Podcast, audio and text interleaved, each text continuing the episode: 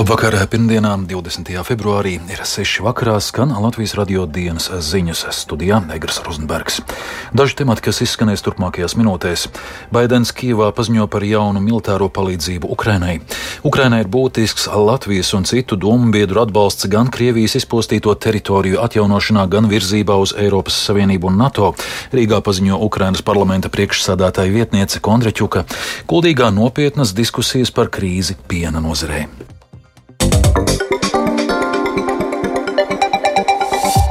ASV prezidents Džo Baidens šodien negaidīti ieradies Ukrainas galvaspilsētā Kīvā, kur ticies ar Ukrainas prezidentu Volodimiru Zelenski. Baidens apmeklēja Kīvu tikai četras dienas pirms 24. februāra, kad apritēs gads kopš Krievijas pilnā apmēra iebrukuma Ukrainā. Nepārprotami, ka Baidena vizītes mērķis bija apliecināt ASV stingro atbalstu Ukrainai. Vairāk stāsta Uldis Aķēsberis. Šī bija ASV prezidenta Džo Baidena pirmā vizīte Ukrainā kopš Krievijas pilna apmēra iebrukuma. Prezidenta ierašanās bija pārsteigums, jo Baltais nams vēl nesen kategoriski noliedza šādas vizītes iespējamību, norādot uz milzīgajiem drošības riskiem. Baidens un Ukrainas prezidents Volodimirs Zelenskis aizvadīja divpusēju tikšanos. Pēc tās Zelenskis pateicās Baidenam par ierašanos Kīvā un sacīja, ka šī vizīte ir ļoti nozīmīgs žests visiem Ukrainas iedzīvotājiem. Really Es patiešām novērtēju prezidenta Baidena un ASV sabiedrības izrādīto atbalstu mums jau kopš šīs traģēdijas sākuma, kopš pilna apmēra kara sākuma. Un paldies par jūsu līderību, paldies par demokrātu un republikāņu partiju atbalstu kongresā. Es domāju, ka šis ir vēsturisks brīdis mūsu valstī, un ir ļoti svarīgi, ka mēs varam detalizēti aprunāties par situāciju frontē un par to, ko var darīt, lai apturētu šo karu, kā uzvarēt šai karā un kā padarīt Ukrainu spēcīgāku, lai uzvarētu šajā gadā. Savukārt Baidens sacīja, ka viņam bija ļoti svarīgi apmeklēt Kīvu tieši pirms Krievijas pilna apmēra iebrukuma gada dienas.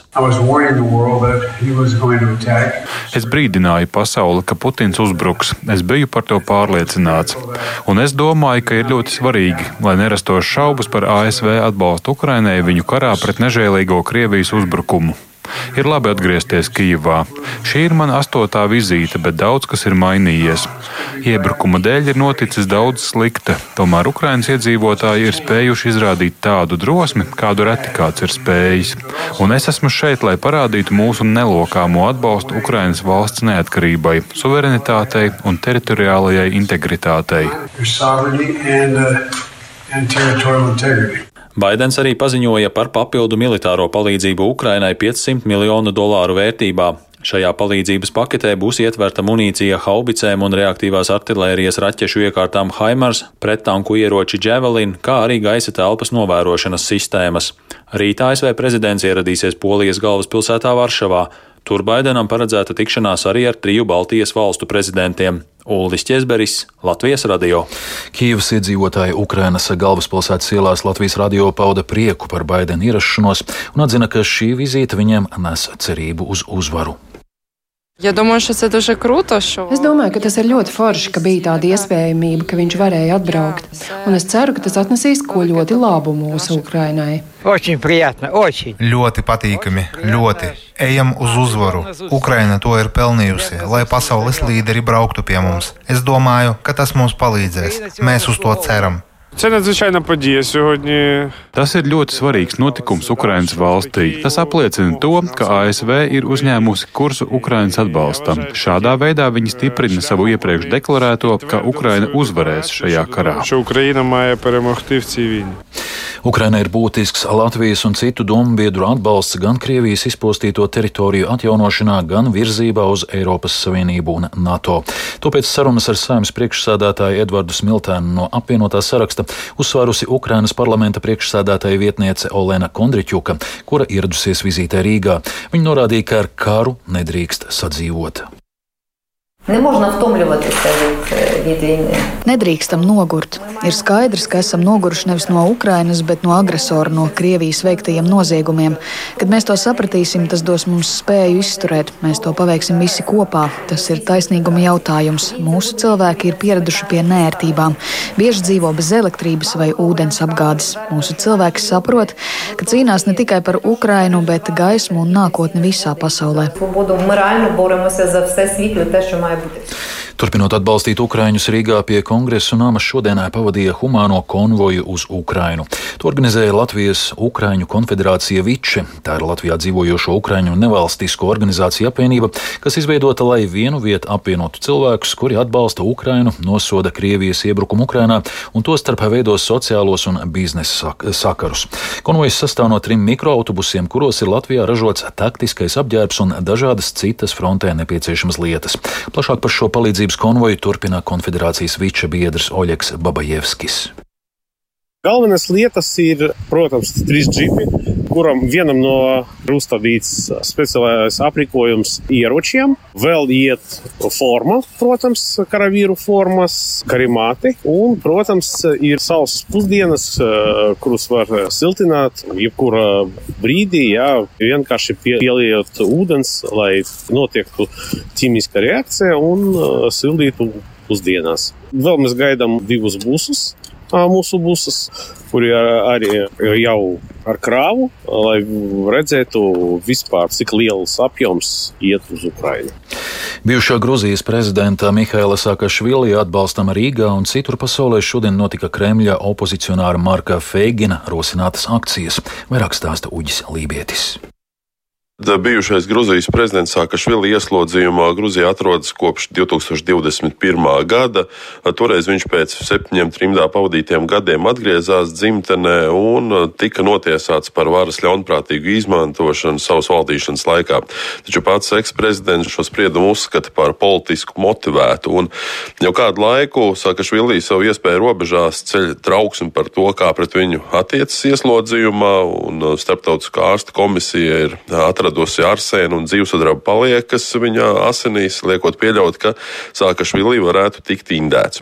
Bijušais prezidents ir pieprasījis nodrošināt viņam medicīnisku aprūpi vai no nu Eiropā, vai no nu Savienotajās valstīs. Un šie aicinājumi ir guvuši plašu rezonanci, un, un tos aicinājumus ir atbalstījis arī Ukrainas prezidents Valdemirs Zelenskis, Moldovas prezidents Māja Sandu, dažādas cilvēktiesība aizstāvības organizācijas, un arī Eiropas parlaments ar pārliecinošu pārliecinošu balsu vairākumu ir pieņēmis rezolūciju, kurā norāda, ka attieksme pret bijušo prezidentu var iedragāt Gruzijas centienus nākotnē pievienoties Eiropas Savienībai.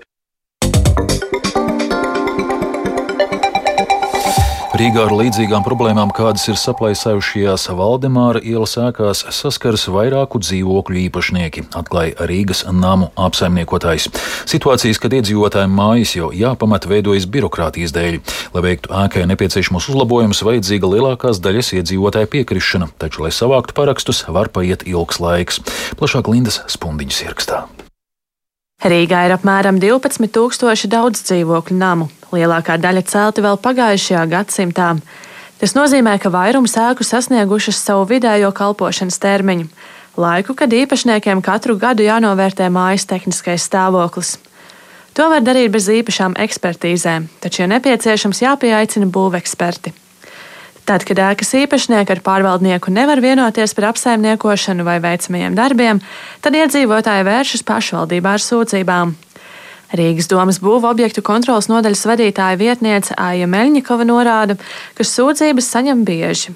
Viņa saka, ka visbiežāk sliktā stāvoklī ir pagājušā gadsimta 20. un 30. gadu celtās divstāvu koku ēkas un citas vēsturiskas celtnes. Vairākas Rīgas nama apsaimniekotāju pārvaldītās ēkas ir sliktā stāvoklī. To atklāja uzņēmuma valdes priekšsēdētājs Igors Trupko. Iedzīvotāji arvien biežāk vēršas pēc palīdzības pie apsaimniekotāja. Pieņemsim, iepriekšējā gadā, bet nebija tik traģiski, tikai fasāde bija slikts. Viņi to sakārtoja. Tā ir Tallinas iela 32, ģenerāla rādziņa 21, 23. Ja? Tur mēs kārtējam, mums renovācijas ietvaros iet Kraslavas iela 21, arī uzsakot darbus, paradies bīstamība. Mums ir Maskava 137, jā, tad tur pavisam ir šausmīga situācija, jā, bet iedzīvotāji pat nobalsoja, ka viņi maksās kredītu 5 eiro no kvadrātmetra, lai atjaunot māju. Tieši iedzīvotāju aktivitāte ir noteicošā, lai izvairītos no situācijām, kad mājās ir bīstami uzturēties. Trupko saka, ka ir nepilnības likumā. Lai veiktu ēkā uzlabošanas darbus, nepieciešama lielākās daļas dzīvokļu īpašnieku piekrišana. Ja mēs visu laiku vāksim 51% pārakstu, un tam nav normāli.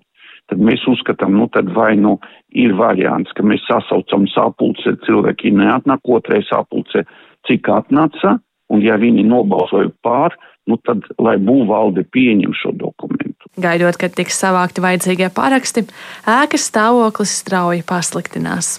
Linda Spundeņa, Latvijas radio. Karstas diskusijas šodien izvērtušās Kuldīgā, kur novada pašvaldība vienopus pulcēja apkārtnes piensaimniekus. Tikšanās mērķis vienoties par nepieciešamiem valsts atbalsta instrumentiem krīzes pārvarēšanai. Tikmēr Kuldīgas novada pašvaldības sola pārskatīt iespēju uz laiku lauksemniekiem atlikt nekustamā īpašuma nodokļa atmaksu un nepiemērojot soda naudas. Vairāk par tikšanās norisi Ingas Ozols ierakstā. Mēs jau nevaram sagaidīt Ziemassvētkus vienkārši matemātiski. Un es nepieļaušu to, ka man būs prāts padaužs, staigāt ar ģinteri. Vai nu ir, vai nu nav. Pārpildītajā zālē, kur diskusijas turpinājās divas stundas, tā savu nostāju pauda viens no pirmsaimniekiem, kurš atsaucās Kūdīgas novada pašvaldības aicinājumam un ieradās Kūdīgā. Klātesošos uzrunā kooperatīva Baltu pienas pārstāve Mirza Feldmane. Ir jāpārcieš šī krīze. Manā uzturē viņi ies apmēram līdz Jāņiem, jo Ķīnas tirgus sāk vērties vaļā. Tā ir laba pazīme. Mēs meklējam risinājumu, kārtējam loģistiku, kādā veidā mēs varam ietekmēt ar Latvijas pārstrādes uzņēmumus. Savukārt vēl kāda zemnieku saimniecības pārstāve no Turlavas puses, kur savu vārdu neatklāja, uzsvēra, ka nav gluži tā, ka viss ir slikti. Viņai ir citāds redzējums, jo ar 40 govi lielu ģimenes saimniecību viņi sev var nodrošināt un vēl nodarbināt cilvēkus. Taču vienas gan esot skaidrs, ja viss ir jālikvidē, kur lai vecāka gadagājuma cilvēku atrastu darbu, jautā sieviete. Tur ir valdībai jāskatās, jāizrēķina, kas viņiem būtu izdevīgāk. Vai viņiem tiešām būtu izdevīgāk tagad visus tos piensaimniekus nogremdēt un maksāt mums visu to kompensāciju, ko viņi sola par tām govīm un ciestu budžets. Vai, vai tomēr eh, drusku mums nākt pretī, nolikt pie vietas veikalniekus, kas tādu cenu tur vai ne? Diskusijas atbalstītāju pulkam Kuldīgā pievienojies arī Latvijas lauksaimniecības kooperatīva asociācijas ģenerāldirektors Rolands Feldmanis. Sarunu laikā viņa prāt izkristalizējies būtiskākais. Man liekas, ka lielākā sāpe ir tāda, ka viņi jūtās, ka cīnās vieni paši. Viņi ir kā Don Quixote, kas mēģina savas saimniecības izvilkt, un ka viņi neredz to varbūt to ilgtermiņa perspektīvu. Jo tā cerība un tā apņemšanās strādāt būtu tieši, ja būtu kaut kāds precīzāks attīstības plāns, lai viņi zinātu, uz kurien viņi virzās. Kopā sanākšanas ierosinātāji Kuldīgas novada pašvaldība meklēs iespējamos risinājumus, kā atbalstīt lauksaimniekus. Viens no tiem ir izskatīt jautājumu par nekustamā īpašuma nodokļu maksājumu atlikšanu. Turpina Kuldīgas novada domas priekšsēdētāja Inesa Staševska. To mēs paši pārskatīsim mūsu novadā šo iespēju un aicināsim arī blakus novads e, rīkoties līdzīgi. Kādus priekšlikumus sadzirdēja pašvaldība atklāja Kūdīgas novada domas izpildirektors vietniece Agnese Buka. Viens no priekšlikumiem - pagarināt elektrības atbalstu. Lūk, mēs lūgtu šo bezakcijas degvielas limita palielināšanu kopumā e, nozarei, lai mums e, šīs mēslu krātuves un tās prasības, ko valsts vidas dienas ir izvirzījis pret mūsu lopkopiem, lai tās šobrīd uz nenoteiktu laiku atceļ. Kooperatīva asociācijai mēs lūgtu, lai rosina mūsu piena kooperatīvus apvienoties un kļūt vienotākiem un stiprākiem, lai mēs esam ar lielāku loti pret tālāk Polijas, Lietuvas un citu priekšā. Kultīgas novada pašvaldība sola priekšlikumus un lūgumu atbalstīt novada lauksaimnieks nosūtīt vairākām ministrijām un citām atbildīgajām institūcijām. Ingozola Latvijas radio Kurzmē. Pastāv liela iespēja, ka Latvijas vīru basketbola izlase augusta otrajā pusē Taivānā izvadīs pēdējās pārbaudas spēles pirms pasaules kausa, taču oficiāls, oficiāls līgums vēl nav saņemts. To šodien sarunā ar Mediju sporta centrs kom pavēstīja Latvijas basketbola savienības ģenerālsekretārs Kaspars Ciprus. Visticamāk, ka mačos piedalīsies arī Lietuvas izlase. Amerikas hokeja līgā spēlējošie Kristiāns Rubīns, Eduards Tralmaks un Raivis Ansons piekrituši palīdzēt Latvijas izlasē Rīgā gaidāmajā pasaules čempionātā, ja viņu pārstāv pārstāvētie klubi būs noslēguši sezonu. Par to informējusi Latvijas Hokeja federācija. Šie hokeisti to apstiprinājuši sarunās ar izlases ģenerālmenedžeri Rudolfu Kalvīti. Savukārt Latvijas radio Kalvītis pastāstīja, ka sezonas laikā tiek runāts ar visiem potenciāliem kandidātiem, arī Nacionālajā hokeja līgā spēlējušiem.